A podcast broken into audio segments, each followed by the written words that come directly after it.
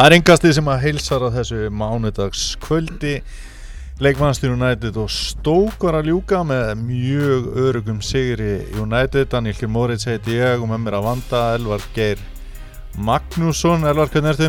Á vestadegi ásins Á vestadegi ásins Þegar ég er bara gríðalega góður. Já, er, þetta, er, þetta er lígi Já, þetta var bara mjög fýtt aður Já, það er sammála, bara reglulega fýtt sko. mm -hmm. og við erum með gest í kvöld og við ætlum að kynna hann á eftir. Við ætlum að fara hérna yfir það sem er í gangi svona í félagaskiptaglugganum. Við ætlum að tala um landslýstjálfara Veils mm. og hitt og þetta. Enski Stó- boltinn verður náttúrulega mest til umræðum Stórleikur Liverpool og, og City? Stórleikur Leopold City, nóg að tala um þar. Coutinho hann var, hans var ekki saknað í þeim leik. Mm. Hvernig var helgiðin? helgin var bara mjög fín sko. Ég var að spila beint í mark Já, hvernig var? Það? fyrsta skipti, það var hérna mjög fínt. Auðveldir anstæðingar, við ekki og hérna bara svo lit sigur. En hjá þér, Mjög fínt, ég fór á með Ísland og það var mjög fyndið. Já, þú fórst að hlæja? Já, ég hló alveg talsvert oft. Og svo bara tók ég hann á sunnudag sem að, sem að var þetta ömulega veður. Já, Og bara var upp í sófa. sunnudag döiðan Já, og horfði á íþróttir frá upp á þetta En- við skulum byrja þetta Innkastið. Fótbolti.net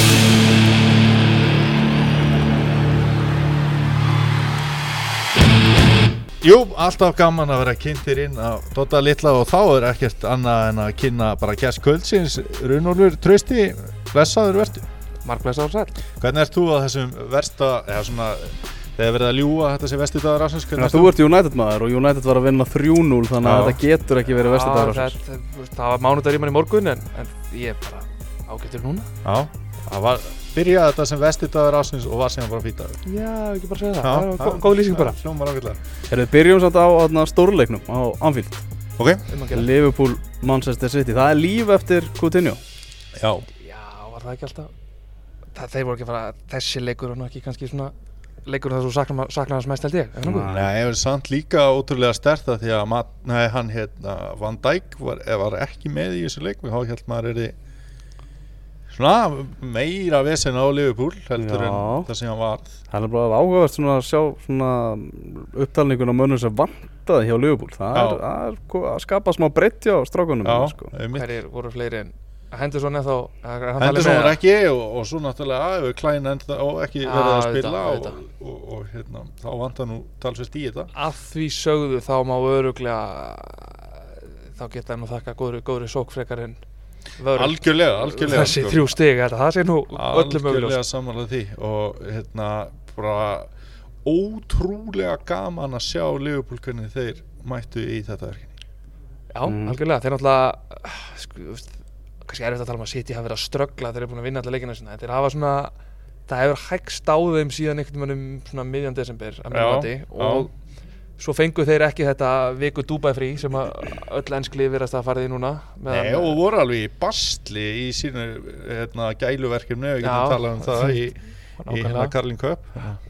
Og hérna ég einhvern veginn, veist, ég var einn af mörgum sem beila bara bjóst til Leopold Siri, það. Já, ég sammálaði fór ég veðmála fennið og, og, og laði hreinlega undir til að stiðja það, það Fenni var að gefa Já, ég sagði það í útastættinum að ég hafði- alveg stert á tilfinningunni að einhvern veginn Liverpool myndi gýra sig upp í þennan leik eftir þess að Coutinho umræði Mhm. því að þrátt fyrir að Coutinho hafi verið einn af aðaleikurunum hjá Liverpool þá er alveg fleiri aðaleikarar sem Já, eru búin að vera þarna í þessu ágæta liði sko. svo einhvern veginn spilaðist svona leikurinn upp á þeirra styrkleika hvað var þar, eins og við tölum um þreytta City menn uh, John Stones er búin að eiga einhverjar hörmungar viku sem hann kom tilbaka á meðslum mætt örgulega bara að spyrja hvort hann sé komin tilbaka Já. meðslum hann, bara, hann er bara á annari löppinu virðist vera. Já, hann var alveg rosa vondur í þessu leik. Já, bara búin að vera, bara. Hann búin að gefa mark. Þetta er þriðleikunni röð þar sem hann bara hægt að setja eitt mark bara beint á baki á hann sko. þannig að hérna, ég held að jó, leikir í klopp fullkomi í þennan leik. Já, bara að henda þeim fullkomlega þar sem að City bara vissi ekki geta að spila sig út og vandræða mátt á tíðum sko. En Sko mér hefur nefnilega fundist Liverpool ekki endilega vera alveg svona mikið klopp eins og í þessum leik nei, Mér fannst þeir vera ennþá aggressívari og, og Já. ennþá brjálaðari heldur en í mörgu leikjum sem þeir hafa samt verið að rústa sko. já, já, Þeir voru því. líka kjöta sitt í bara út um allan völl þarna Algjörlega, í byrjun sko. þannig að held sko þetta er að besta sem að maður hefur séð á er bara og þá er bara Arsenal leikurum með talin þegar þeir tóku okkur í, í karphúsi og allt það sko, þetta voru bara svo ríkarlega öflýr, svo sterkir og, og hérna hefðu alveg getað skora fleiri mörkan í byrjun sko. Eitt leikmaður sem þú ert ekki alveg búin að vera að kaupa allavega ekki fyrir á leiktíðinni Roberto Firmino. Já, Nú var Jamie Carragher hérna að lofa hann í hástert í, í mánudags þættinum held að það verður verið þar. Uh, og tala um það bara að Firmino sé bara fyrstur á blað hjá, hjá Klopp í dag. Já. Það er ekki tölfræðinast bara þú veist bara það, veist, alltaf Mó Salah kannski er náttúrulega með trublaða tölfræði en Já, já. fyrir mínu hefur komið eitthvað 16 mörg og komið eitthvað sem margar stóðsendingar og mm. hann, er, hann er búin að eiga mjög svona gott raun núna er ekki spurning og þetta mark hjá honum á móti seti gull fallegt, Já. jújú, Saito Mane tók hérna klínu upp í vinkilinn en markið hans fyrir mín og er svona markið sem hann, mér allavega fannst best í leiknum sko. Mm. já, það tekur umræðan John Stones þar og bara notar hann eins og eitthvað pappistreng sko En hvernig var fyrir Arsenal mann að sjá, að sjá Alex Oxlade Chamberlain hann að skora ég, ég veit það ekki sko. strax eftir að hafa séð þín að menn tapa fyrir Bournemouth já, það var daldið súrt sko. já, og ég er samt eh, hvað á maður að segja? Ég var ekkert eitthvað spældur yfir að hann hefði farið sko. Þannig að maður svona spáir í það en, en svo náttúrulega ef að hann er að fara að verða eitthvað númer þarna hjá Liverpool hann er náttúrulega í dauða færi í því núna þegar Coutinho er farin að sanna sig þarna inn á mér í miðju og að hann ætlar að fara að nýta þann sjens að þá er það náttúrulega mjög svekkjandi og, og, og hérna, auðvelt að setja spurningamerki við stjóra Arsenal ef að það er að fara að gerast. Það var svo fyndið hann þetta jólamyndband sem Liverpool gaf út þarna fyrir jólin þar sem þeir voru Firmino, Coutinho og Chamberlain svona hitt einhverja krakka. Já, og krökkunum var svo ógæslega mikið saman um Oxlade Ah, Chamberlain sko. hann er Ah, alveg já. að vinna sér einhvern veginn svona sitja hann í, í þetta þríæki sko. en, en, en hann er komin maður, hann er búin að vinna sér marga plúsa hjá Liverpool stundismönnum algjörlega og það hefur náttúrulega líka verið talað um að það þannig að marki hjá honum er freka gott þetta, Er þetta bara- er svona fínt mark hjá honum og náttúrulega mikið sett spurningamerki við Edison var þetta ekki bara gott skot eða hvað finnst þér? Jú, ég myndi halda það, ég er að muna, er hann ekki búin að skora eitthvað fleiri mörg undanfæri, þetta var þetta eina, mér finnst þess að ég hef séð hann á, á þessum blessa marka skorsít einhvern veginn oftar en einu sinni, sko, en kannski, ekki, kannski bara tvö eða eitthvað, ég, Já, það er ekki mikið sem hann er búin að skora allavega sko. en ég og persónulega- náttúrulega ekki í svona á svona Nei, sviði sko. að- ekki, sko.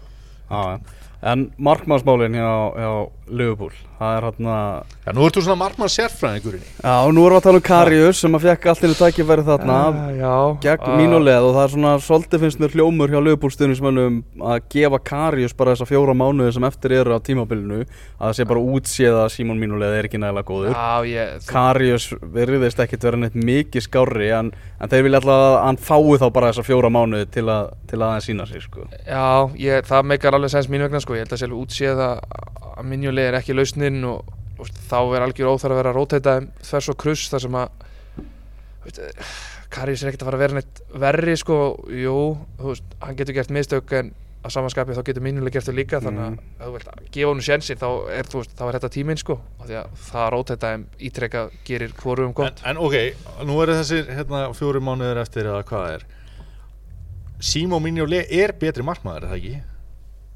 Ég, maður er ekki búinn að sjá Karius í, á Nei, rönninu ég er að segja það sko. Minnulegu Já. fengið og hefur náttúrulega við, við vitum náttúrulega meira um hann þegar hann spilaði í einsku dildinni og var í Sönderland og eitthvað en, Já, já. þú veist, og hann var náttúrulega ekki keiftur til Liverpool fyrir eitthvað tilviljun. Nei, alls ekki veist, sko hann en, var góður á Sönderland og byrjaði vel hjá Liverpool. Já, og minn, já, vissulega en Karius hefur eins og Elva sagði, hann hefur ekki fengið þetta rönn og, en hann að samanskapi hefur hann náttúrulega aldrei og virðist aldrei hafa sínt nægilega mikið eitthvað neginn hann er ekki hann er hefur fengið sína sjensa og nýtt á illa Já, það er bara eitthvað við hann sem er eitthvað bara svona ah, ég veit ekkert, finnst þetta allir þýski markmann sem kannski bara, og vanur Oliver Kahn hérna um árið, þú veist, og Mm. Nói er svona alltaf líka, mm. eitthvað svona, og Lehmann bara svona stórar presence típur eitthvað neginn sem bara Mm. eru þarna og, þú veist, gargand og alla og stjórnand öllu, Mhm. svo ertu með Karius þeir stekin og lengi að samfara menn þú veist, með á nokkri í Þýskalandi, allir einhvern veginn svona sleikt hár og eitthvað svona. Eitthvað bara eitthvað pínu off. Erfitt að setja kannski ekki punkt á það þeir veginn hylla mann ekki og lúka ekki sem einhverjir heims finnst þér hann ekki vera með þú veist, þess svona Meina, það er engin- svona, svona markmannskarakter. Nei, nei, og það er ekki fram með þessi fyrir einnig gegnum Karius og það er bara, ó, hann er svo, þú veist, svo heldur hann sé frá klúðra, sko. Þess að ég held að menn séu komin með á De Gea núna já. alltaf bara gegnum Já, já, það er bara algjörlega. þá kannski vissulega tíma vinna einn það getur náttúrulega verið það sem Karius þarf að gera bara fá leiki en, en þú veist En hann er aldrei jafn góður á DG, það er alveg klart mál sko. Alltaf einhvern veginn le- og seitt niður og Já, er bara, ég, það er svo, það er eitthvað svona virðist vera rosalega mikið off en samt var hann vist held ég val, sko, það var ekki valinn sko, besti markmann í Þískalandi áður en að kipta hann sko, Já, sem er ennþá þú veist, undarlega með að við gæðin sem eru í þeirri deild Já, markmanns ég meina og klopp þekki þá deild ágætlega en, sérstaklega á þeim tíma þegar hann er keiptur og allt það sko en hérna Yfir maður minn, Hafleði Breiðfjörð, hann er, var nú á þessu leik og hann Já. er búinn að tala fyrir því bara að nota Coutinho pinningana bara í að kaupa markmann Já, það var mitt næsta sem ég ætlaði að velta upp hérna. Já. Er það ekki forgangsatriði núna? Markmaður Eða er, er forgangsatriði að prófa þetta karjustæmi og sjá hvernig það virkar Ég- eða- Er það ekki bara fram að sumri allavega?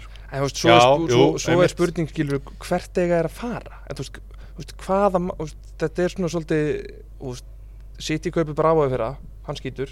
Já, þá hoppaði þér á Gaur sem á sko hvað, eitt og hálft tímabil í Portugal sem hefur fungerað hingað til allavega og verðist vera briljant en þú veist það þarf hlá Leopold að kaupa sér enn eitt óreindan en þú veist, mhm, þú veist, er svolítið þú veist, eða þú veist, taka þér þá hvað 70 miljónur að kaupa þér Jan Oblak frá Atletico Madrid mhm. Þú veist, ég held að sé svona Erum við ekki að fara að sjá hann fara samt næsta sumar? Jan Óblík Gjötu vel verið Já, þú veist, ha- hann er auðvitað fyrst hann á blaði og er stort lið og vill kaupa þér eitthvað markmann sem áallan á tölfræðin sem er alltaf brútið hött Já. Bara hann heldur ofta að reyna að færa sér mörg sem er bara galin pæling sko en, Mhm.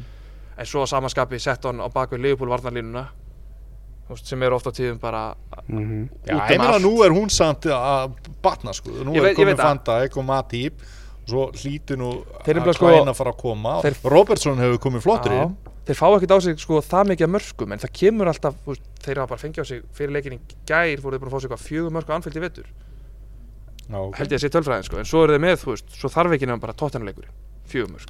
Arsenal-leikur, þrjú Já, mörg Já, já þú veist, City fá sér þrjú skora fjögur veist. Mhm. kemur alltaf þessi einu einu leikur á milli þar sem bara það hreinur allt Þeir eru búin Spila að fá að bara- átta mörgum móti sitt í deildinni í vetur ég er að segja það sko en veist, þess á milli eru þeir í fínum málum og Ég, þá ég meina þetta kemur þetta veikleika merki að það voru bara stál hefnir að ekki jafnað í lokinu guð minn í almáttugur, sko. Já, það er endar önnur van, nötraði allt og skálf Já, já. sko, og ekki í fyrsta sinn á tímabil það hefur breytt miklu að fá Van Dijk en þegar Gundogan er að taka niður á bringuna sko inn í, inn í markteg og potar mér nettið þá maður er 1.40 hæð sko.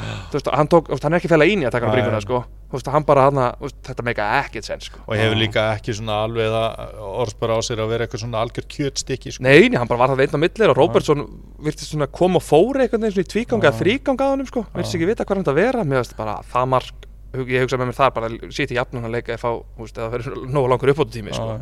Mm. Það Fengur tvo sjensa Aguero tekur hérna daldið ótímambært skot hérna fyrir utan og svo já. átta mendi skalla þarna í lokin en mér minni að það hafi verið hann allavega Já, eða Aguero sjálfur sko, en það var flaggað rángstöðar allan sko, en þeir fengu, veist, það voru, þegar De Bruyne stilt upp aukaspunninni, það voru allir á vellinum og allir sem ég veit um, sko, bara komnir langlegina bara inn að putta, nöglið var Já. löngubúinn í, Já. þegar, þú veist, þar, sko. Já, já. En ég menna það náttúrulega að við horfum bara hlutlist á þetta það er náttúrulega bara til þess að segja að þetta var náttúrulega bara geggjaði leikur sko. frábæleikur Já, já, Mér finnst það rosalega oft sem að svona reysalekinar á Englandi fara fram úr væntingum bara í, í skemmtarnagildi sko. Já, þetta er svolítið búið að vera núna að svona, já, Allir leikir Liverpool, allir leikir Arsenal til dæmis En hafa verið en frábæri byggist það ekki samt Nefna að- hvernig náttúrulega hérna, Liverpool United sem var náttúrulega döðin og skriðbættanum sko. Já, það ertu með, já, það ertu með manni sem er ekki tilbúin í þetta, í þetta gung-hó og mikið fjör sko. og mikið fjörs, nennir því ekki, sko. Já,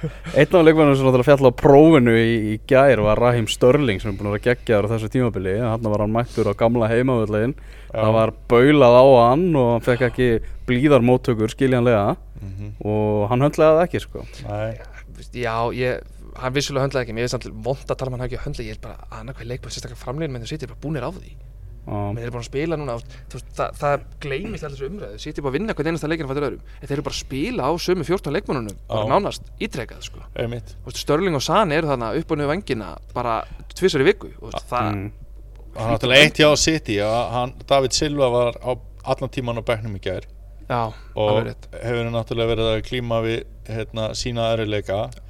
Þeir hefði alveg getað notað hann í leiknum í gær Mhm. Já, já, nóga plássi fyrir hann virðist vera hann í kringum þú veist, svona leikur sem hendan ég, sk- sk- ef hann fyrst að var á bekknum með pínu skrítan hefði ekki verið Já. sko, meira með sko Já, ég man, ég voru sitið með tvo djúpa í já þeir eru náttúrulega eða svona með Gundogan og, Já. og Fernandinho já, já, já, Þannig að ég var búin að, ég myndi ekki voru Gundogan er náttúrulega aðeins passívari heldur en David Silva sko. Já, algjörlega sko, en samt ekkert svona náttúrulega kannski þessi típiski breski djúpi Nei, einmitt, einmitt, sko. einmitt, Mhm. einmitt Þannig Þannig að í rauninni Þeir spila náttúrulega bara 4-1-4-1 í Já. þessu leik eins og það hafi verið að gera sko, en en það er varna sinna þegar Pep setur Gundogan inn á það, það, Já, það, það, það er hann að það er hugsa vörnina náttúrulega sem ótrúlegt. mjög eðlilegt mér, fa mér fannst þetta að því að uh, Guardiola hefur ekki verið í uppáldi hjá mér með, og, og, og svo leiðis en það hefur verið mjög auðvelt að heillast að því sem hann hefur verið að gera í vetur þetta er bara búið að vera ótrúlega gaman að horfa á þetta lið og mér hefur fundist hann líka bara flottur og í leiknum í gær þá er staðan hann fjögur eitt þarna fyrir Liverpool.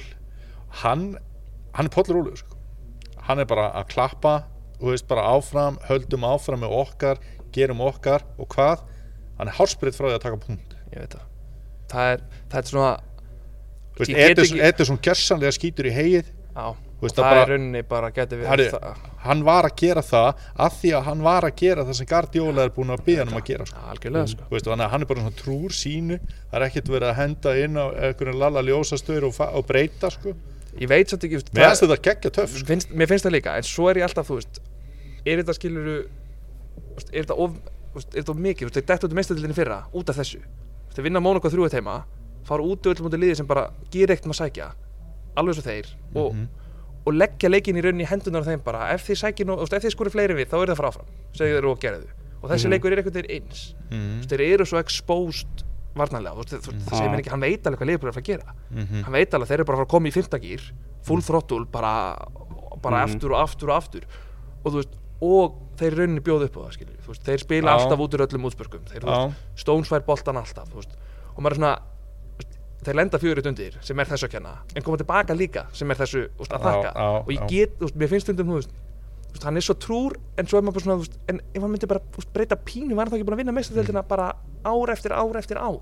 Er svona, það þarf svo lítið það þarf svo litlu að breyta bara til dæmis eins og Jose Mourinho sem er með, með fleiri vopni í sínu búri og verður að fara út í það já, já, ég, er- þú veist, það er mín pæling skilju, Hann er mjög trúr því sem Já, að hann er svo rosalega trúr mm. þessari fótbolta heimsbyggi sinni og svona velti ég fyrir mér, þú veist, það er náttúrulega geggja því að upp upp á sitt besta er náttúrulega bara fótboltalið Pep er bara bestu fótboltalið sem Mhm. fólk hefur séð Mm. eins og þarf ekki nema, þú veist, eins og mistadeldinni sérstaklega sem er Mhm. veist, þessi holy grail fótboltans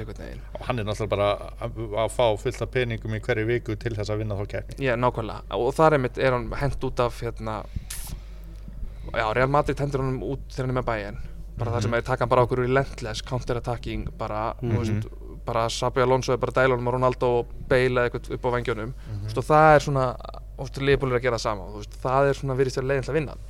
Eða þú veist, liðin hans. Já, en þú veist, maður veldi fyrir sig bara ef maður myndi breyta bara þessu bara þessum, þú veist, þessum nokkur prósentum. Mhm. Mhm. bara, ekki gera þetta alltaf. En við snúum þessu þá við, ég meina af hverju hafa ekki fleiri lið mætt Manchester City að einhverju viti í vetur. Menn að Bristol gerði það bara? Held, og, og, mér- og þeir man- voru bara flottir. ég held að lið hafa alveg gert það í, veist, í byrjun. Og þá bara voru þeir, veist, eins og við tölum um á þá var ekki þreita, þá voru þeir bara sjálfur á full throttle allan tíman og þá bara áttur ekki breyk svo hægist hægt og róla á þeim. Og sama tíma og liðin byrja bara að falla aftur og aftur og aftur á móti þeim. En um leið, þú veist, þessi lið sem voru að að mæta með ekki Mhm. að byrjun voru bara sópið í burtu, sko. Mhm. Það bara, eða þeir reyndar voru samt í, það gleymist að þeir byrjuðu tímabili ekki frábælega Þeir voru- byrjuðu náttúrulega jafntefli á móti Everton og heimaðalli Já, vinna Bornmoth á 97. myndu er að spila eitthvað 5-3-2 leikirfi Já, með sko Störling eða Sani til skiptis á bekknum Já. svo meðist kompani einhverju leiknum Já. og þeir ákveða einhvern veginn að fara í fjóra þessa, þess, þetta leikir sem eru bara að spila síðan og það bara gott ef leifbúleikurinn var ekki hægt á milli. Mhm. fyrsti leikurinn svona það sem er bara gjössanlega blésu liði burtu sko. mhm. næsti leikur Manchester City er heimaleikur á móti Newcastle ég klára það Já, svo ef FBA heima, þú veist, þeir eru ekkert erfið, þú veist, þeir eru örugglega að fara að vinna næstu tvo leiki, sko, Mhm. en maður hugsa bara með sér, þú veist, ef eitthvað, þú veist, ef að Stones meðist aftur, þá tók hann aftur hann læri og þeir eru ekki búin að kaupa nýja leikmann, eða, þú veist, Aguero meðist, Mhm. það, er, þeir náttúrulega eru bara með það stort forskot, en, hinn hína keppninar getur verið hættu, Já, Bristol geti, Bristol geti endalega skráð sig ykkur sögubakar bara hendið mútið deildarbyggjarnir já, við myndum alveg þykja það að fá hörpjörgun í úrslitaðleika bygganum Það verður þess Það að væri mjög skemmtilegt sko. Já, hérna við erum búin að vera með þá spurningu svona gegnum gangandi í síðustu innkostum hvort að Manchester City geti farið í gegnum tímabilið sem hinn er ósigruðu og það er búið að gefa okkur svar við því. Það er nei, Ég var líka búinn að gefa okkur svar við því þannig að- já ég er hérna vel við spáni Já. Já, þannig að það þannig að bara Arsenal heldur, heldur þeim Það var náttúrulega skemmtilegt tíst sem að kom að hérna, Wenger hafi selt Chamberlain til Liverpool til að halda þessu rekordi. Já, það er nú, nú vel gert. Þannig að Barcelona er eina liðið í toppdeildunum í Evrópu sem er, er ósigrað í, í sinni deild enn sem komið er. Það er magnað. Uh, Manchester United vann 3-0 sigur á móti Stoke og uh, Sæns leikur þetta var svona átt, sáðu leikin á þann Þetta var bara svo horfður ef- ef sótt á eitt mark bara. En ef að stók gæti eitthvað, þá var þetta bara svo lestileikur aftur. Ég var bara, heyrðu, þeir farið sók þá hljóttir að skora? Þegar United er bara búin að klúra núna 700 færum. Herri, en, en stók í byrjun. Segi það, klúraði náttúrulega tveimur það, dauðafærum Þegar þeir sko. fengið eitthvað nýtt þau og færi. hann hann móting klúra dauðafæri í lok fyrirháleiks óvænti leikmaður umferðana Stephen Ireland Já, fyrsta sinn í byrjunaliðinu sem einhvern tíma Það- bara það er eitthvað, þú veist það er eitthvað, eitthvað púpa Interi manager hann sem er eitthvað Ég mun alltaf með Stephen Erland svona sem minn upp á svo liði. Við setjum hann bara í byrjunalið Já. núna. Já. Hann mun aldrei fá að velja byrjunalið aftur sem 2015 sko, Stephen Ireland er kostulegu karakter og Hann er reyndar held ég búin að vera sko eitthvað massíft meittur sko. Ég fylgist bara ekki ná vel með stók minnir einhverju Guardian podcast ég hef dottið þar upp hann er bara búin að vera glíma við nýjameðsli núna síðan 2015 sko. en var þú ert með skemmtilega sögu af Stephen Ireland Já, sem að þarna, svona, alltaf bara þegar Stephen Ireland kemur upp í hausunum manni þá man maður eftir þessu það var þegar hann var á sínu tíma valin í Írska landslið sem var að fara í eitthvað, Ah. tvo leiki eða eitthvað og hann ringdi bara í landslistjálfarn og sagði að það hefði nú bara gerst að ammans hefði bara fallið frá hefði verið að kveða hann heim og, og það var verið að fara að jarðanna og hvort það væri bara ekki hægt að fá frí frá þessu verkefni og þjálfarn síndi því náttúrulega bara skilning og, og bara gaf hann frí. Tilkynnt það sem bara fréttamann á fundi að Ærland var ekki valin vegna þess að Ammans hefði látist og eitthvað. Hann fór nú menn sem þekktu nú til fjölskyldu Stephen Ærland að að þetta vakti upp undrun hjá þeim þar sem að Ammans var nú ekkert dáinn og Ærland, Ærland kom þá með þá uh, kom með þá til Íska knastbyndusambandsins að að það hefði verið hinn Amman sem hefði, hefði látist. En svo kom það í ljós að það var nú bara líka líi það sem hann var eitthvað að reyna að bjarga sig bjarga sér, bjarga sér út úr þessu. Hann ætlaði bara Þetta er svo góð saga sko. Hann ætlaði bara að fá sér smá frí. Það var ekki flóknar en það. Þetta var ekki alveg að nenna að taka þátt í þessu. Þetta er svo steikt í já, En mér finnst það stókei að taka þetta alla leið. Ég væri til í að, að hann er svona kemur upp hjá Manchester City Stephen Ireland. Mhm. að þeir væri með Michael Johnson síðan í næsta byrjunarlið já. Manst ekki eftir honum? Jó, ég man eftir honum, ég sá líka mynd á honum bara fyrir nokkrum árum og það, hann getur ekki spilað fótbolta lengur sko Hann er saman þýgt af við sko Já, já Nei, ég meina, taka þetta bara alla leið Fyrst þeir eru í að einhverju svona gríni sko. já, já, en talandi um það hann nenni ekki að mæta í landsleiki Ryan Giggs var nú þekktu fyrir það hjá Wales að- Ég var að mynda að sjá tölfræðum Já. það, þetta er hilari sko. ég, ég, vissi þetta ekki sko. ég, mm. ég vissi alveg að hann hefði nú verið svona, eins og margir Ferguson, menn voru ekkert eitthvað Ferguson var ekkert æstur að leipa mönnum með æfingarlandsleiki er með hvað, einhvern einn landsleik, þú veist, æfingarleik sem er ekki í Wales eða hvað líka. Og hann var Já. í Englandi, þú veist, hann var bara á Wembley eða eitthvað. Annars bara fór hann ekkert í æfingarleiki sem voru fyrir utan Hva, brellasegir Hvað finnst þér þetta skipta miklu máli í, svona þú veist, þú veist, ég Þú held veist, þarna er Þú veist, við erum að tala um já, Þú veist, þetta er Sko, Örgulega bara ef þetta væru ekki allir þú veist, æfingarleikir erlendis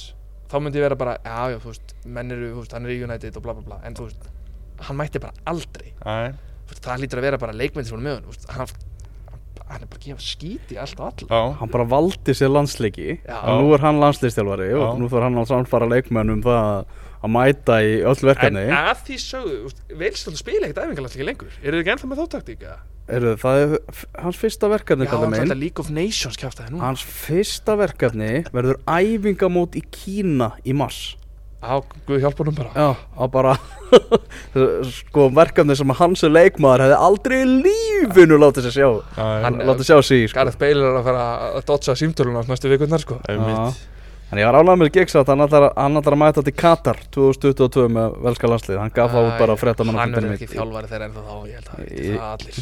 Heldur að þetta sé hérna, sneipu för hjá Wales? Já, ég held að það, þetta var eitthvað eitthvað bert sínis múf að fá okkur að hitu að þjálfa. Og ég held að þetta springi í andlitaðum eins mikið og getur gert það, ég veit ekki við hverju þið búast en ég held ég þekki ekki einn United mann sem er eitthvað, herri, já, Wales, nei, nú loksins getur Giggsarinn sínt okkur hvað er í hann spunnið, sko? Mm. hvað það sem eitthvað landsísjálfari held ég, sko? En er samt núna, veist, þeir eru náttúrulega með e, síndu það náttúrulega í hitti fyrir að þeir geta verið með gott landslið. Já, já, og það eru leikmenn þarna sem að Gareth Bale, Joe Allen, Algjörlega, Ramsey og fleiri. ég held bara að hann sé ekki veist, þessi veist, til að búa til svona eitthvað svona skotgrafar mentality eins og þeir voru vissuleiti með sko, undir veist, ég, ég veit það ekki ég, veist, ég held að hann vitir hann ekkert hvað hann ætlar að gera.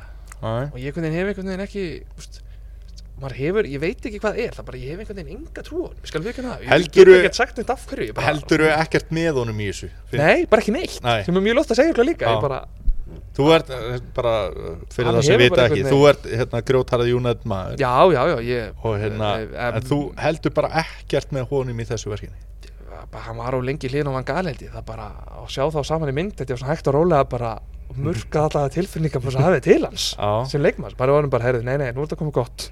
Því tveir með bara Heyrðu, hættum að tala um Wales, förum aftur í United Stoke. Að gera Antonio Valencia skoraði með vinstri, geggjað mark. Geggja mark sko. ég, Í ég, fyrsta sinn sem hann kemur við boltan með vinstri fæti bara held ég á ferðinum Það er hann tók fyrir ekki með vinstri nýttan um ári og það var jafn mikið sjokk, þá voru allir bara býtu, getur hann það, býtu þá var hann ekki sparkað með vinstri aldrei? Á hann ekki að standa bara í Já, vinstri fætinu menn vissu ekki alveg hvað þetta var sko. En hann var bara eins og sköllóttur hollendingur sem við höfum séð gera þetta miljónsinnum koma, Arjen Robben. koma af hægri kanti Já, Eurovision. og lúðrónu með vinstri er meittur setið hérna í gæðsalappir, sko, hann er vera með búðum, sko. Mm. það var engin, nei, nei, ég, þetta, var, þetta var svo óvænt. Það, vissi, það bjóst enginn við þessu á vellinum. Bara Mhm. enginn, Lukaku náða að skora og svo var það Antoni Martial og, hægri, og hægri fótur, hægri hotn ræðum aðeins um Antoni Martial því að það er svona verið óáræðilega miðlar eitthvað að tala um það að Arsenal uh, Arsenal sé að vilja fá Antoni Martial í, sta, í, Besta- í staðinn fyrir Sanchez besta og slúður eitthvað, sem ég heyrst af sem er náttúrulega bara algjörð bull bara algjörð kjátt ég meina þú sem United maður myndir aldrei skipta á Sanchez og Antoni Martial? Ekki, ekki er Sanchez að hálftar eftir samning, nei. Það, það væri náttúrulega bara þú veist, að Martial er 22 ára Sanchez verður 30 á þessu ári sko.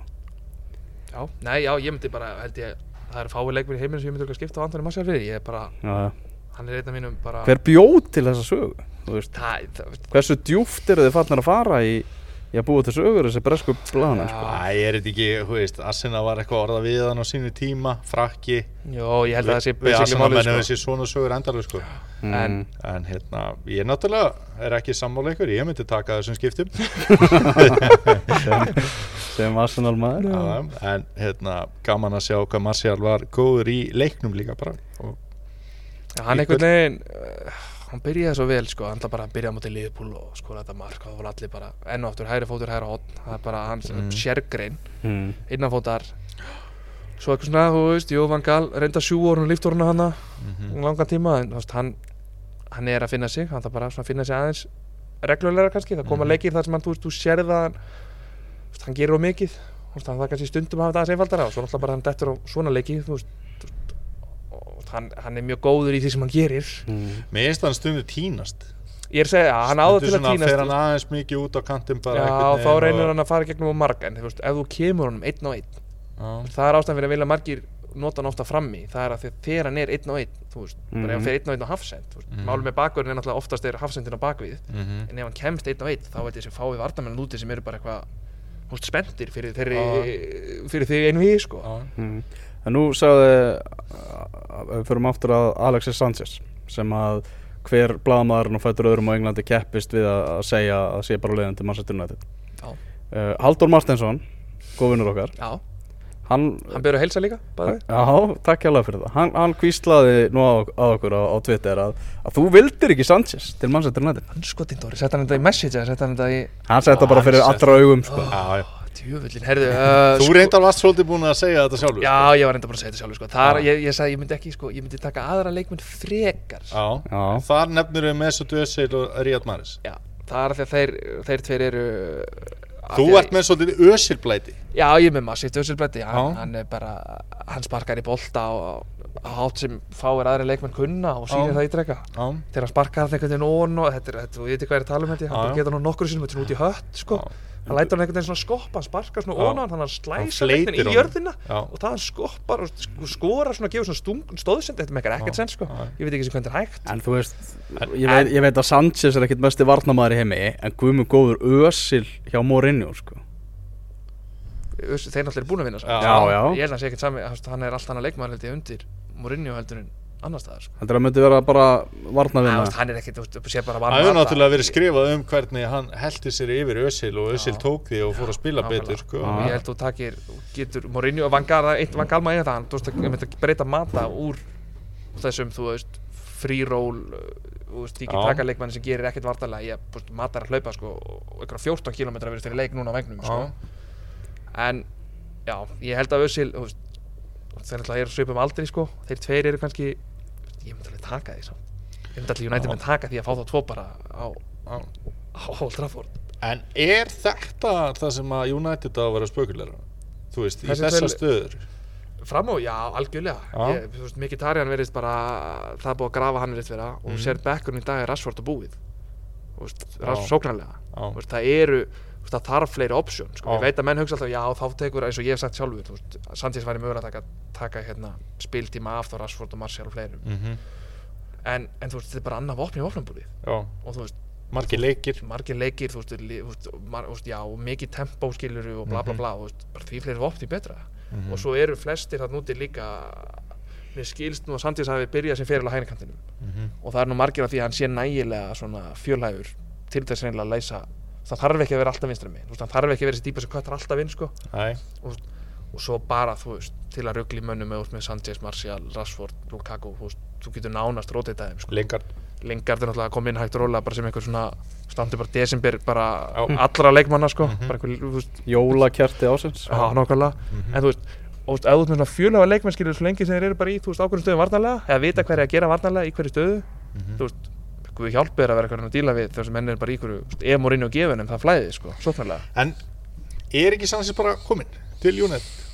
Ég ætla að gá Nei, hann er ekki kon En, það, Svona, jú, samt það, verðist vera. það Eitthvað tilfinning fyrir þessu. Núna, það, Ég er enda að vera að heyra bara í kvöld að núna er vist búið að draga Chelsea inn í umræðina, sko. Þeir eru vist tilbúin að bjóða vil, viljar í skiptum og eitthvað mátt og hvað hvað en Svo kom frétt um það að City ætlaði að funda aftur bara jafnvel um að kannski finnst samt, aftur sko- í leikin en þetta er ekkert búið fyrir það er búið. Ja, Mér finnst það mjög fyndin þessi umræða um að þetta sé eitthvað svona annarkvort eða pepp eða peningar þú veist, það er ekki eins og að væri að fara á okkur sultar laun hjá, þú veist, það er ekki eins og að væri að fara að spila frítt í City, sko, nei, nei, veist, það, nei, og það er líka, þú veist, þessi um, veist, ef ég hugsa út í þetta, og ég held allir hugsa um þetta, hann er miklu meiri Mourinho típa leikmann heldur en Pep típa, hann er ekki þessi skóladrengs, hérna, kórdrengur sem Pep verðist alltaf Já. vilja, veist, hann er þessi reyði, pirraði, leiðilegi, Já, já. veist, bara Það er náttúrulega mjög margir svona, leiðir á svona atgerfi hans hjá Arsenal á þessu tímabili sko. öruglega mjög skiljanlega og, en þú veist, að því sögðu þá er hann hann er mjög mikil veist, og hann er svona confrontational og hann vill læti og hann vill, ég er ekki að setja hann í Diego Costa bracketi Nei, nei, nei. þú veist, Að það er um. leikmaður sem að Pep myndi aldrei hafa í sínu liði sko. hann myndi ekki höndla Diego Costa myndi segja hann að hoppa á vegg þegar hann væri eitthvað að gera eitthvað sem byrjaði hann sko. Æ. Mhm. Ég held líka að Diego Costa væri leikmaður Chelsea ef að Jose Mourinho væri stjóri Chelsea já, eflaust, þeir myndi örugglega elska annað Já. þeir bara örugglega rífast þessu hundur og köttur en þessu milli bara veist, væri Costa að ringja hann og kalla hann pappa að guðma þetta hvernig þessi sambönd hans eru við leikmenn sko. Já, og ég held líka að Chelsea væri í betri málum með framherja með Costa heldur en uh, Manchester United á tímabilinu. Þeir eru í öðru sæti Tildarinnar 50 stíg Á tímabili þar sem að Manchester City er bara að sína okkur eitthvað sem að sést afskaplega sjaldan. Uh, Þeir eru búin að skora þriðju flestu mörkin Er Liverpool fattir yfir á það? Liverpool með 54, United 48 uh, liða, liða, United komið í 16. úrslit mestaradildar Evrópu. Komið áfram í byggarnum þar sem er að keppa móti Jóvil Tökum Ég- fyrir Bristol í deildabíkanum Já, í deildabyggarnum þar sem að þeir eru ríkjandi meistarar. Okkar keppni, sagði til. Já, Nei, nei, en já, nei. þeir eru ríkjandi meistarar þar og unnu Evrópudeildina í fyrra einnig. Uh, skíturinn sem að Mourinho er að fá svona miða við þessa upptalningu Hann er styrlaður hann er sturlaður miða við þetta allt saman sko. Þú veit, í venjulegu hefðbundna árferði getur bara United verið í efstasæti deildinni sko Já, það var eitthvað sem tók þetta saman. Áður en gerði sér þrjú jafntefli hann í desember sem voru umrættur lestileikur á þann þar sem þeir mm klúruðu og fullt af færum. Mhm. komið tilbaka mútið börnlei og svo sáðantónleikur sem bara var eitthvað svona típiskur síðasti leikur í jólasyrju þar sem allir voru búnir og þeir átt að vinna. Stöðt var víti, Pogba ákvaða að reyna að pota bollar með netið þegar hann var á leiðin í netið og þetta er ástæður og svona kjæftæði hvað það var Já. til Pogba maður. það er eitthvað sko þar, þar voru þeir mitt bara á þessu bara, bara 5 á síðustu 12 árum þá voru þeir efstir og öll önnur væri þeir bara nokkru stigum eftir eftirsætinu. Veist, þeir klúruðu því svolítið en, en þú veist, en jú veist, það er rosalega erfitt gallin við þetta eins og þeir hafa talað um okkar bresku blaðamannavinir er bara að sá að það er berað allir saman við City sem er alltaf eðlilegt. Já, en City er bara að gera mjög óeðlilega hluti. Já, og það er lendi verður allir, sam, allir samanbyrð mjög grillaður veist, þannig að Það er algjörlega þannig er um og svo er náttúrulega líka samanburðurinn við skemmtanagildi hjá Liverpool Já. sem er líka styrlaður Já, ég veit það, en, en þú veist samt inn á milli, þú veist, ég veit ekki ég, ég er náttúrulega ekki kannski að horta alla leikjuleiki en þú veist, það koma náttúrulega leikir eins og ég ger sem er bara Mhm. styrlaðir en svo koma alveg leikir inn á milli þar sem þú veist, þeir eru bara þreyttir að spila mútið Vafbja í einhverjum skýta Mm. kulda á rigningu og þeir geta bara ekki neitt Mhm. en, en þú veist, þeir leikir gleymast alltaf Mourinho er með þú veist, hann veit alveg hvað þetta er langt tímabil þú veist, og hann svolítið reynir held ég náttúrulega að veist, hann fer ekki í, þegar það er 3-0 og kortir eftir, þá er það bara, heyrðu byrjið að spara orku, skilu það er ekki, heyrðu, förum í 7-0 og það er, er ekki þannig og verður aldrei. Ef við förum bara í uppáhaldið okkar í, í innkastinu skalan 1-10 Hversu ánæðar ertu með Jose Mourinho? skemmtileg spurning, mjög. Daniel, til hann ekki með það Takk fyrir, þetta takk er mjög fyrir. skemmtilegt uh, Já, vantla frá því hann tók við bara Já, bara ég sé þið bara svitna við þessa spurningu bara- sko. Já, þetta er svo, þú veist, það er svo erfitt Þa, það er svolítið að sveiplast hjá tím, það Já, þú veist þetta er svona En sko frá hón ah, þetta er, svo- þetta er svo mikið what have you done for me lately bransi, sko. Já, ég veit það. Ég held ég myndi örgulega gefa honum Átta. Já, ég var í svona 8-5 ef ég var í United Ég maður veit alveg, þú veist, það er, sko, þú veist, það er tímabili fyrra margt, þú veist, náttúrulega endur í sjötta sæti, mér er náttúrulega galið, en þú veist, en þú horfi, sko, það er svo margir sem, tókust. Já, en það er líka svo margir sem gleyma því hvað United var að gera bara vundu Van Gaal, sko, þetta var leiðilegt að fótballtalið sem ég séð, Já, ég meina markmið United og síðast tímabili tókust. Já, já, inn í meistardildina, vinna byggar og búa til, skilur, einhverja sigurhefð. Og svo Já. hafa leikmenni svo Pogba var svona pínu on-off í fyrra, hann er bara on point núna bara, ef hann ekki mista tíu leikjum, það er nú annað með þessa stöðu deildinni. Og já tekur Pogba inn í að átta deildaleiki sem hann mista bara, Mhm. þá getur við verið með allt annað þú veist. Það er svo leiðis það er mjög einfalt en það er hann með hann laði upp dömörk í kvöld og kom með jafnmörg mörg um, stóðsendingar til brunni Mhm. og Sanni þeir eru allir þrý með nýju þannig að Þú segir 8 ég gef honum átta. Ef þú, ef þú fengir spurninguna Daniel, varandi Wenger hversu ánæður ert þú maður sem er Wenger á þessu tímabili á skalanum 1-10 Ég myndi segja svona 2 Heyrðu þetta er tap á móti, Ah. Já. og nú er bara er ekki Arsenal bara líklegra til að vera miðja deilt heldur en að, að ná einhverju Evrópusæti Sko við skulum alltaf aðeins kannski sjá hvað gerist í þessum helvítis glugga. Þessi djúfisins Já. alltaf Það verður að tala um Aubameyang. Já, ég er enda mjög spenntið fyrir því. Mm, Gaman að fá eitt svona sem verður í agabanni af og til. Já, En hvað eitt hérna- svona a- aðeins smá svona nött hann er sko. pjúra sender eða ekki? Já, Jú, jú. við erum ekki með neitt center. En Lagasett fær náttúrulega aldrei að spila það ekki bara Hann var að spila síðastu leik og leikinn þar á undan. Giroud er bara með Og betri hann getur tölfræði. ekki neitt. Já ok. Lacazette getur ekki neitt, segir þú Daniel. Hann hefur allavega, ok. Sko ja, Hann er búinn að sína Hann er búinn að sína mjög lítið. Og hérna Það er svona stó, stór orð eftir tapamóti Bournemouth Já, ég, ég, get er enda ekki að viðkjöla, ég held að hann var ekki inn á sko, ég sá ekki allan leikin en, en En hann sátt ekki þessu klippu sem ég sá á leiknum á tóna hann var alveg afleitur náttúrulega en kannski fekk ekki úr miklu á móða en Nei, sko hérna hann var orðaður við Arsenal sumari áður en þeir kipta Lagasett núna? Já. já ok.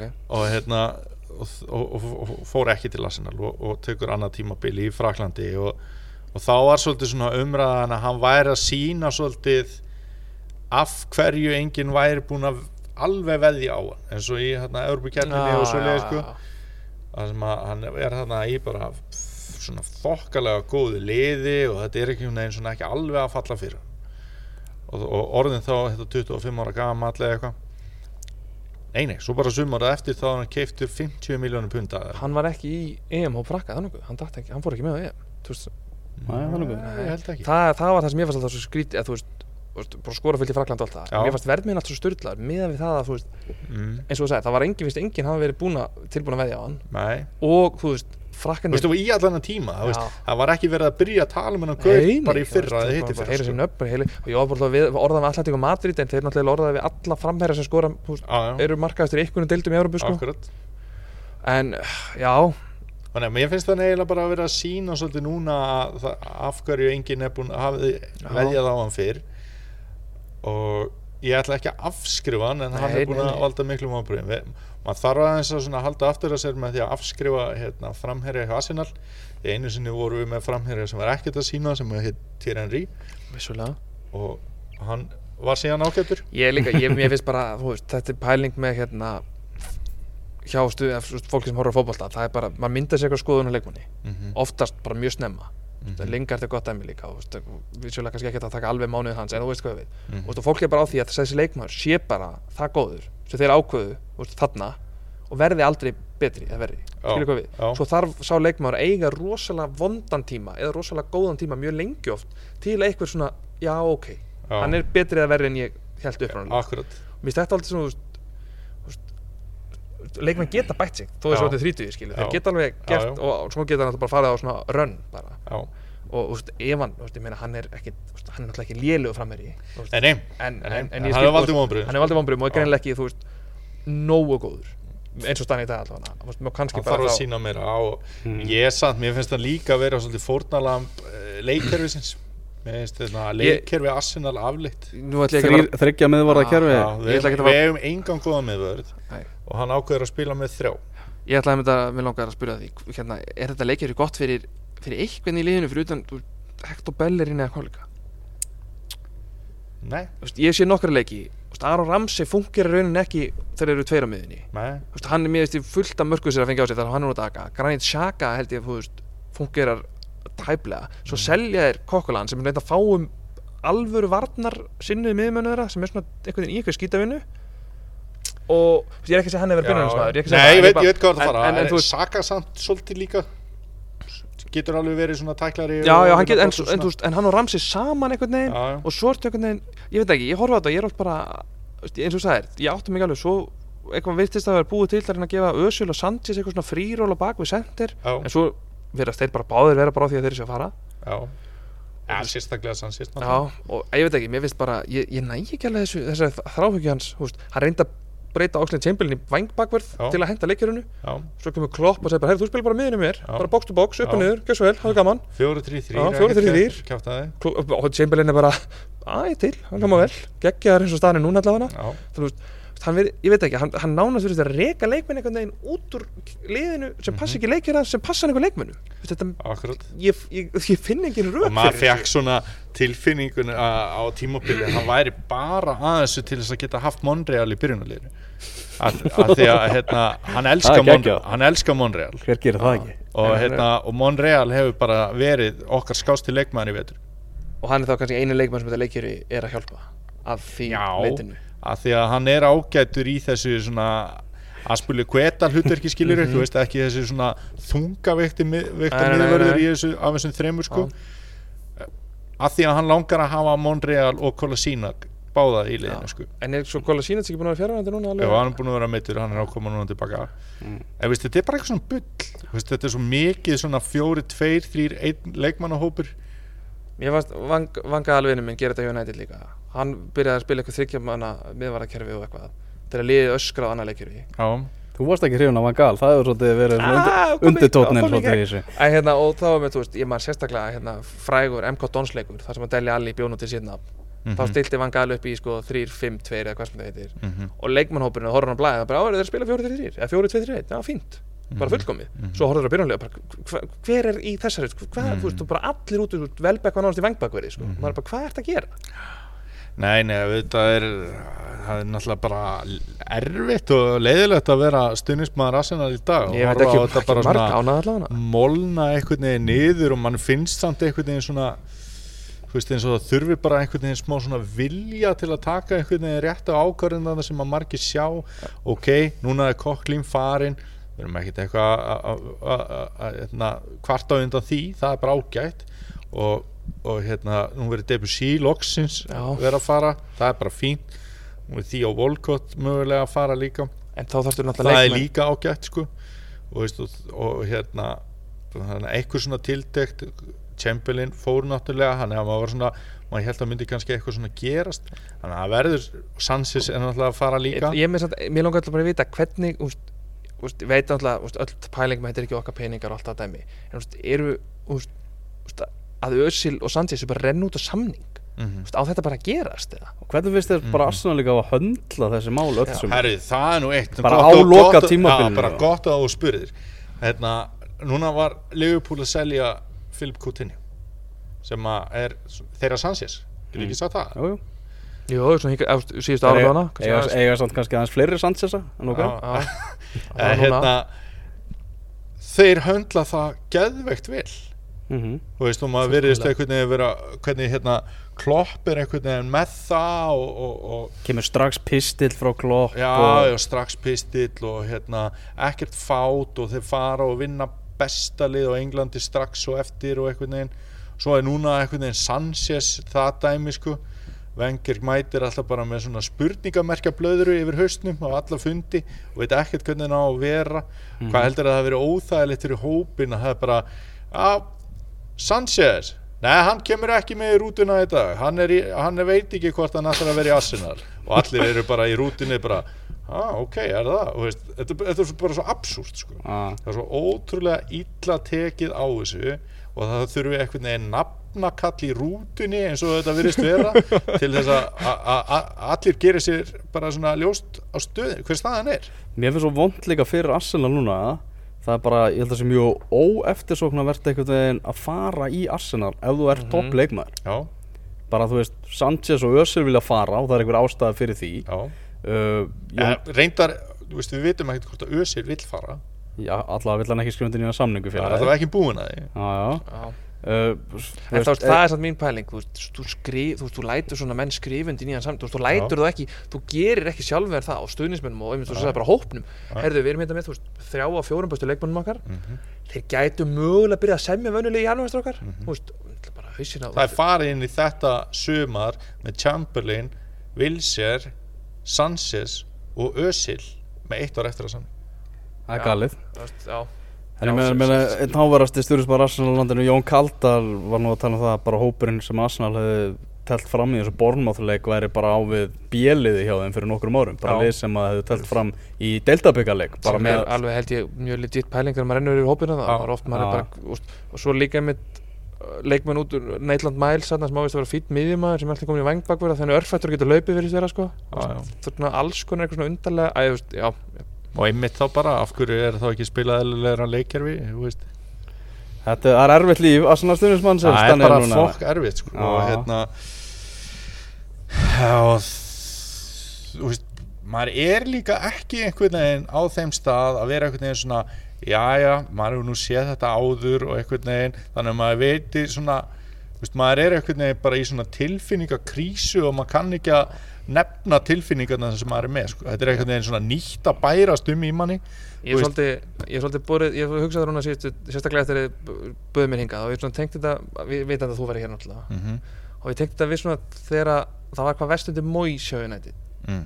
ekki vanga um frá mér deitt hérna, það sem var svona ljósi í myrkunum var að þú vissir alltaf hann er í reikin Mm þú veist, bara þið var ekki meðstættina hann er farin Mhm. bara þá getur, getur við, búst, ekki að það er mögulega betra að tekja við, en þú veist, þú vissir alltaf að það væri eitthvað, eitthvað svona handað tilraun. já, og hann ég svona klára tímabili sem En- er ekki mjög United-legt sko. en þið, þú veist, fyrir aðsynamenn þú veist, maður veist, hvað er línan eða þú veist, þú veist það er umrætt núna og er vengir að fara veist, að gera Já, maður spyr betra líka, veist, hvar er línan og er stjórin Axel í vandamáli?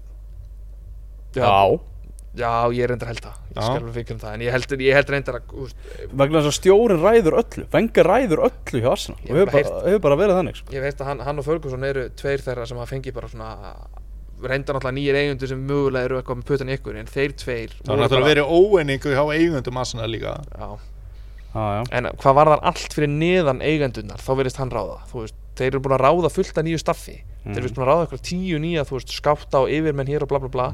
Og alltaf þeir eru tilkynntir þá er alltaf vengið samt svona einhvern veginn Já, þeir vinna náttúrulega bara, þú veist, að mý, eða, þú veist, svona að okkar, eða skilur, þú veist, hann er aldrei eitthvað, já, þessi er náttúrulega búin að vera mjög góður í að finna þessar leikmenn og gera nei. þetta, hann verðist alltaf vera bara svona, já, nú eru þið komin hingað og þeir vinna undir okkar, skilur, þú veist, okkar mínu, þú veist, dæmi, Mér finnst líka hvernig hugsunni í Arsenal núna með þessum ráðningum að vera að kaupa eitthvað skáta frá Dortmund og eitthvað þannig. Já. og þeir ætla að reyna að ná í gæðaleikmennina yngri og ódýrari og allt þannig. Ég meina, er ekki svolítið að segja það? Það verður svona, við ætlum bara að vera í miðjumóði eiginlega bara næstu árin meðan við býðum eftir því að þessi krakkar finnast og þessi krakkar verða eldri. Það er alltaf mjög erfitt að ráða í hvað er verið að hugsa sko. mm. Þeir hlaupum með þér annað sem að gerðist um helgina kannski aðeins um bara bormáð baróttu glæðir og flottir Jordan Ibe skoraði eftir 18 mánuð og 52 leiki hjá Var félaginu. þetta ekki líka fyrsti, þetta var satt fyrsti sigur þeirra bara í Það hefur verið mikið brass Ég, fannst ég heyra ágætis pælingu hérna einmitt í gott að vera ekki Guardian podcasti varandi sko, þú veist, þetta var samt ekki svona, þú veist, það er ekki svo þeir, þeir líktu tölum um vottfóllir ekki sem Arsenal tapaði fyrir vendur Mhm. það er ekki svo borðum að það við samt eitthvað að vera að þrýst Arsenal eða láta búið mistök eða vera elda átmanda völl bara einhvern veginn Arsenal bara svona gaf þetta, þeir Já. skora í tekst að jafna og Arsenal bara svona bara Já, að blása þessi burtu. Bormáð þátt að fá vítistöðun 0-0 og Já, algjörlega. Algjörlega. Herru, Tottenham vinnur Everton. hann Tottenham vinnur Everton 4-0 Úf, já, það var vunduleikum maður. Á Kane með, með tvö mörg og síndi sínar bestu hliðar í þeim leik. Að loksins þessu hérna. Hugo Martina hvað, Holgate og Jojo Kenny er kannski ekki drosalega upplugt svona upplugir þrýra fjórum varnamennunum Rosa vond að þú veist, hvað, nú, nú er eitthvað verið að tala um að það sé stutt í Kólmann og hvað er að frétta með Leighton Baines til veist, hvar, hvar væri þetta lið? Þú veist, þeir eru bara með grín kalla þarna í þessu endalust Já, já. Þrátt fyrir hann að yfirbyrði Tottenham eins og leik ég, svona, ég held að Sankt Tosun eða eftir að vera flottur hjá Everton sem er svona, veginn- eða svona þú veist, í því sem að sami sopi vill gera með Já, þetta, þú þú veist, ég hef ekki eitt neitt, þú veist, allir vera sammálaði sko, þú veist, ég bara ég ætla að vera ósamála ég þór ekki, ég ætla að vera hlutlaus, ég veist bara þetta er hvað bólin Nei, nei, hann náttúrulega var alveg að tjöflast eitthvað í þessu en það var náttúrulega bara bara var- afleitu leiku fyrir hann eitthvað. Þú veist, hvað ætlar þú að gera á móti tóttina Mm. Já, veist, það var leikar sem voru alltaf einhvern veginn Þeir að- in over their head einhvern veginn bara. þeir eru að næst hérna heimaleik á móti eh, Vespróm Það er svona það já. hlýtu nú að vera döðafæri á þreymestöðum Já, Vestbrom búið, loksins búið að stringa ég saman í tvo sigurleiki, unnu eitthvað byggarleika móti Exeter og svo unnu, unnu er ekki leikin um helgina? Eða? Gott ef ekki. Krakka, Krakkanir í Já, Jú, þeir eru unni Brighton 2-0 alveg rétt. Hann að Þar voru markaskurur Johnny Evans og Greg Dawson Það hljómar svo eitthvað sem Tony Poulis ég þála frekar en Alan Pardew sko. Ég er ánað með Johnny Evans, hann er bara að sína það að hann var bara heima í stórliði sko. Já, Þínu menn vilja nú fá ég hann. var til, í- ég myndi alltaf Ég, mér þykja finnst, Johnny ég, Evans. við sölum um þetta félagarnir í sumar þegar það var allir að fara orðan City og eitthvað. Þetta er svo lógisk pæling. Þú veist, hann fenni alltaf bara frá United í rauninni bara, þú veist, af því að Van Gaal vill bara hendunum hann vill alveg vera sáttur, þú veist. Hann, hann hann er, er búin að valin bestur í í fyrra og, og, veist, þeir elskan þar. Já, veist, og hann er miklu, ég held að hann sé miklu hendur í liðsins veist, betra fótballalið heldur en alltaf Já. var undir púlis það og þú veist, City kaupir hann bara getur slottað inn fyrir sikvært hafsendin getur notað báða fætur Já, þekkir deildina bla bla bla, líka Arsenal Já, getur spilað akkurat. örglega í þryggjamanna kerfi eins og það þú veist, ég, eiginlega no brainer ef hann alltaf kostið, þú veist, skriljón skriljónir sko, en það er miklu betur en það var fjalið Ég held samt að ef að Johnny Evans byður um sölu þá var þetta bara svona 25 miljónum pundar sko. Ekki nema. Nei, ég meina í dag, þú veist Þá er það bara Ég, ég, ég, ég var ekki að tala í kalt henni sko. Ég veit það. En hérna, já, eins og það, ég er að, veist, ég, veist, mjög góð fyrir ég, eins, eins og talaði um áðan samt, það er bara spurning hvort hann myndi vilja fara á það, það er alltaf fái varnamenn sem líta vel út í Arsenal kannski þess að það Ég held að Johnny Evans myndi vilja fara í Arsenal Fara að Já, frá, já, þú veist, já. þá er ég að meina bara að fara að því hann er að koma frá Vestbróm Já. Já, það, þetta er svona kannski helsta sem Arsenal getur náði Það er frá svona þessum Já, takk fyrir það. Er það þarna Börlei bladran er á sprungin? Já, Tappa fyrir Kristaf Rói Hotsson Já, hann er maður sprunginn. Djúvitur Hotsson að gera góða hluti. Ok. Það var fæjar hann Já, Minn þetta- maður Fósum Mensa er að fara hamburum vist í hægri bakgrunum með Krista Pallas Maður leiksins leikið til leik. Það er rétt, viltu fá hann tilbaka? Ég hef alveg, ef, ef það er hægt veið ég tekið hann sko. Ég, hef reynd að verja darmiðan henni gegnum vikurnar En það, ég er búin að gefast upp. Já. Hann má senda hann heim til Ítali og ég skal alveg fá Fósum Mensa tilbaka Þetta verður það ekki gert bara næsta sumar þá kemur Fonsu Mensa og að sko, Darmian farið til er Ítali ég sko, ég er búin að segja ekstra aftar Ég held að Darmian verið geggjaður í Ítali Fyrir eitthvað Juventus að Róma verið bara svona ógeðslega góður Og það skilur ekki af hverju. Og mun enginn gera það En bara að hann bara hendar Ítali miklu betur. Sumir eru bara þannig úr garði gerðir sko. Mm. Chelsea 0, Leicester 0 í Englandsmeistara leiknum Já, Áhugavert að Eden Hazard að tekina vellu eftir 58 mínútur í Já. þeim leik og Síðan að uh, Jose Mourinho og Anton- Antonio Conte fór eitthvað að rífast Þá hefur Chelsea gert 3-0 létt og fljóruð já Það er bara staðfest. Það er staðfest. Þeir hafa ekki, eða með öðrum orðin, þeir hafa ekki skora mark. En að taka Hazard, meina, þetta er maður sem getur búið til bara eitthvað úr engu, bara allt í einu. Fekk hann ekki, var hann ekki eitthvað mittist hann ekki Hann Var tekur Hazard og Fabregas út mm. og setur hérna, Viljan og Petro inn. Þannig að hann er í raun og verið að gera svona sóknar skiptingu þannig Já. En er skemmtileg Andy Carroll sagðan sem var að gáka. Maður alltaf að heyra hann aftur og aftur. Ég er bara, ég er fann að trúa henni sko. Þráandi Karli stærra lið sko. Já, ég er líka ég- Þráandi Andi- Karli landslið Líki þráandi Karli Reyndar, á ég vil sko. náttúrulega hafa bara minn mann í, í Vestham sko en hérna Andy Carroll í ég hef Chelsea. alltaf verið mikill Besta- Andy Carroll Besta maður plan B sem ég veit um sko. En hann, hann, hann sko. þurfti nú samt ekki Andy Carroll til í stórsigur Vestham um helgina. Heyrðu, David Moyes maður. Hann er að náði besta út úr, er- út úr Ég Arnautovic þetta gefur mér smá, þú veist, mér, mér, ég veit, þú veist, veit að fullt af United munum þóla hann ekki fyrir það sem hann gerði hjá United alltaf, en Mm. þú veist, ég held að þetta, en við tölum við leikmenn á þann, Mhm. Moyes er núna að sína, hann, hann, þú veist, hann floppaði hjá United, hann er ekki nóg góður þar, hann fór í eitthvað æfintir til Spánar, Floppaði þær já, floppaði alltaf bara, þú veist, hvað- við hann var að gera, Sönderland var bara veist, hann er að sína núna, skil, það var ekkert eitthvað tilvíðun og þú veist að búið til Evertón, að jafn stabilu topp, Mhm. hvað, topps, 5. til 8. sætislið sem þeir voru einu sinni fjórða einu sinni fjóraða mm og þú sér það bara strax á vestam er bara, þú veist, lið sem er bara mörgum vist talið, bara þeir voru óskipulastar í deildarinnar Já. sem sást á fullt af mörgum sem við gáði sig, það bara var ekkert skipulag fullt af hæfileika leikum og hann er bara að skvísa Arnautovic og fleiri bara, þú veist, Lanzini með tvö þetta er bara hann að gera það að leikmönnum, skilur Arnautovic með mark Mhm. og tvö assist sko. Ég fyrst við erum að tala um stjóramál, við kannski benda á það að við glemdum ekkert að tala um Paul Lambert hérna aðan, við bara vildum ekki tala um hann.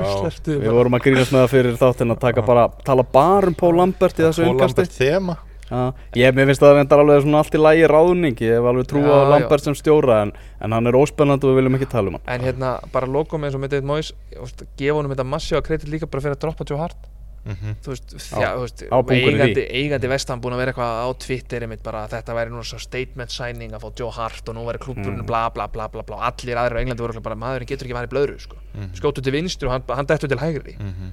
og eiginlega fyrsta sem hann gerir var hendur hann út og Mér fannst það líka bara m- Mér hefur ekki fundist Adrian vera eitthvað grínkall nei, Nei. mér mjög hrifin aðrið hann, hann Já. gerir sín mistök og Já. alltaf, hann á fullt af frábærum markvæslum og Já. virðist, þú veist einn af einhvern svona, veist, Þetta er ekkert svona sjónvarsvöslíkur já, ég veit, hann náttúrulega kann að veika aðtekla á sér, en, en að því sögðu, þú veist, þeir, ég held að próf, þeir vinna miklu fyrir leiki, þeir fá miklu fleiri með hann í markinu heldur en ekki, sko, veist, ég held að það hljóti bara að vera megin ástæðan náttúrulega. Mm En Vestan spilaði með engan framherja í þessum leik. Fjögur mörg? Já hverju hver voru Þeir ja, voru Andersson bara. Lanzini og Arnautovic voru þarna bara. Ykkur svona frjálsir rullu bara Já, eitthvað? Svo voru voru þeir held ég allir á bekknum Aju, Sako og, og, og Þetta Karol er eitthvað svona gamli skólinn að vera nýji skólinn hérna, Hodgson búin að vera ítrekka með hérna Saha og Townsend fram í einhver fjóru, fjóru tveileikir sem að enginn Já. skilur og það var að saflin úrslitu líka. Mm. Það er eitthvað að virka En auðvitað hefur náttúrulega Arnautovic eh, hæfileika og styrk til þess að leiða svona Já, já, eru að spila sóknarleik, einhverja- sko. spila einhvern skyndisóknar fótbolta líka Já, já. þá er það glákjætt Newcastle og Swansea gerðu eitt eitt játefli í fallbaróttu slag. Leikur sem Newcastle átt að klára í fyrri hálfleik. Erum við ekki bara, svon séu fatnir Er það ekki bara, Jú. Við getum ekki staðfesta bara endanlega. Já, eða Liverpool á, á mánudaginn Ég minn eini, það verður Það gæti verður slátrun, maður. Ég, Já, það verður slóttur Ég var á Anfield á síðustu leiktið að Swansea vann Liverpool. Það er ekki er- að gerast það Það er ekki að fara að gerast það Nei, nei, nei, nei. Við getum alveg, alveg glemt í uh, Á Benítez náttúrulega 6.000 normönnum sem þú varst á Anfield. Eigandamálin ekki búin að skýrast hjá, hjá Newcastle og Rafa Benítez er bara ítrekka það bara dag eftir dag að hann þurfa að fara að vestla eitthvað í þetta lið. Ég veist, er það, þú talar um áðan stemmingunni hjá Arsenal, þú veist, hvernig allir stemmingin sé hjá Newcastle?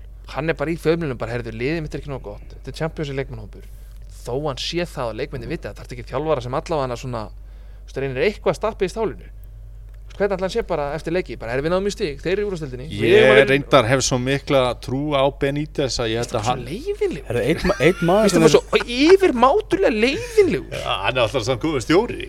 Hann, ég held að það sé mjög góður því sem hann gerir en ég held að það sé alveg drepi þér hann að peppa menn upp. Eitt leikmaður sem verðist vera að koma með nóg ánum er John Joe Shelby Já. Hann var vist að gefa frá sér neikvæða líkamstjáningu Já, bara hendur á hann að búta og eitthvað. Já, trekk í trekk í, í þessum leik og hristandi hausinn yfir, yfir einhvern skipunum sem Benítez var að kallina á völlin og eitthvað. Vá hvað maður sér það samt fyrir sér að Rafa Benítez og John Joe Shelby eigi ekki skap saman. engan veginn saman bara engan veginn Það er bara það kemur ekkert óvart að koma fyrir Það er þetta, þú veist, laukur í Sel- skúffuköku, Já, Selvi er að fara að skalla ekkert með tækifæri sko, áður en að segja, þú veist, r- riftir samningu sínum sko.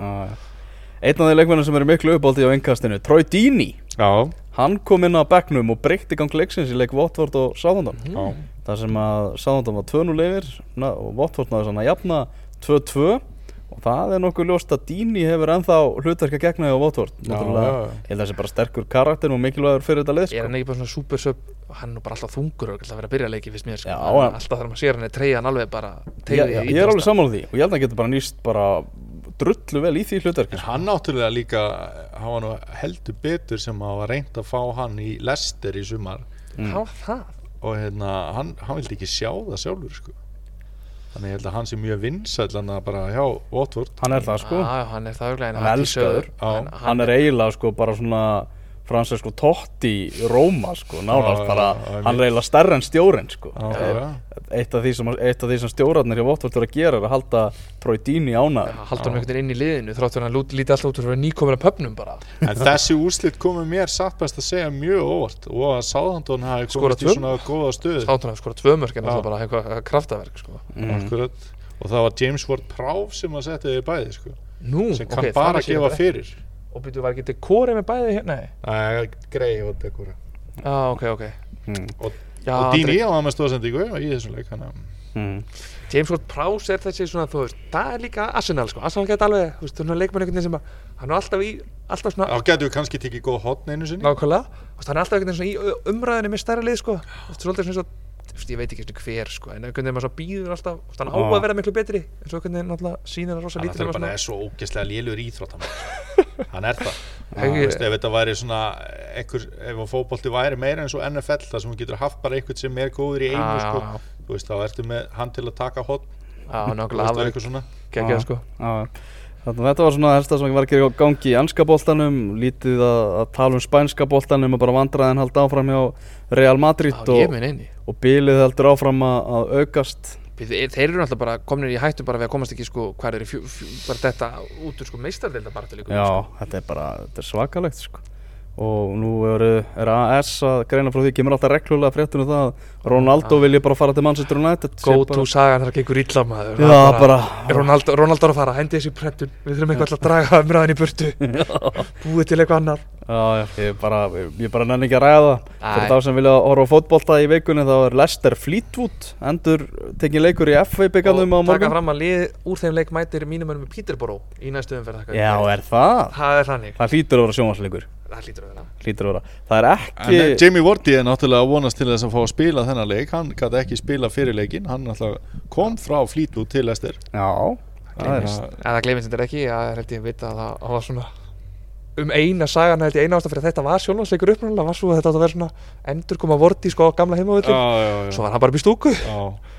að þeir hann var skipt fyrraður sko, hann vildi fá að Já, spila ég þennan trúi leik því alveg sko, hann er þannig. En það ég held að hans, já, ég held að hans er líka svona maður fólksins sko Arsenal Crystal Palace á næstu helgi mm Daniel, Já. heldur þessi síndur á stöðusport?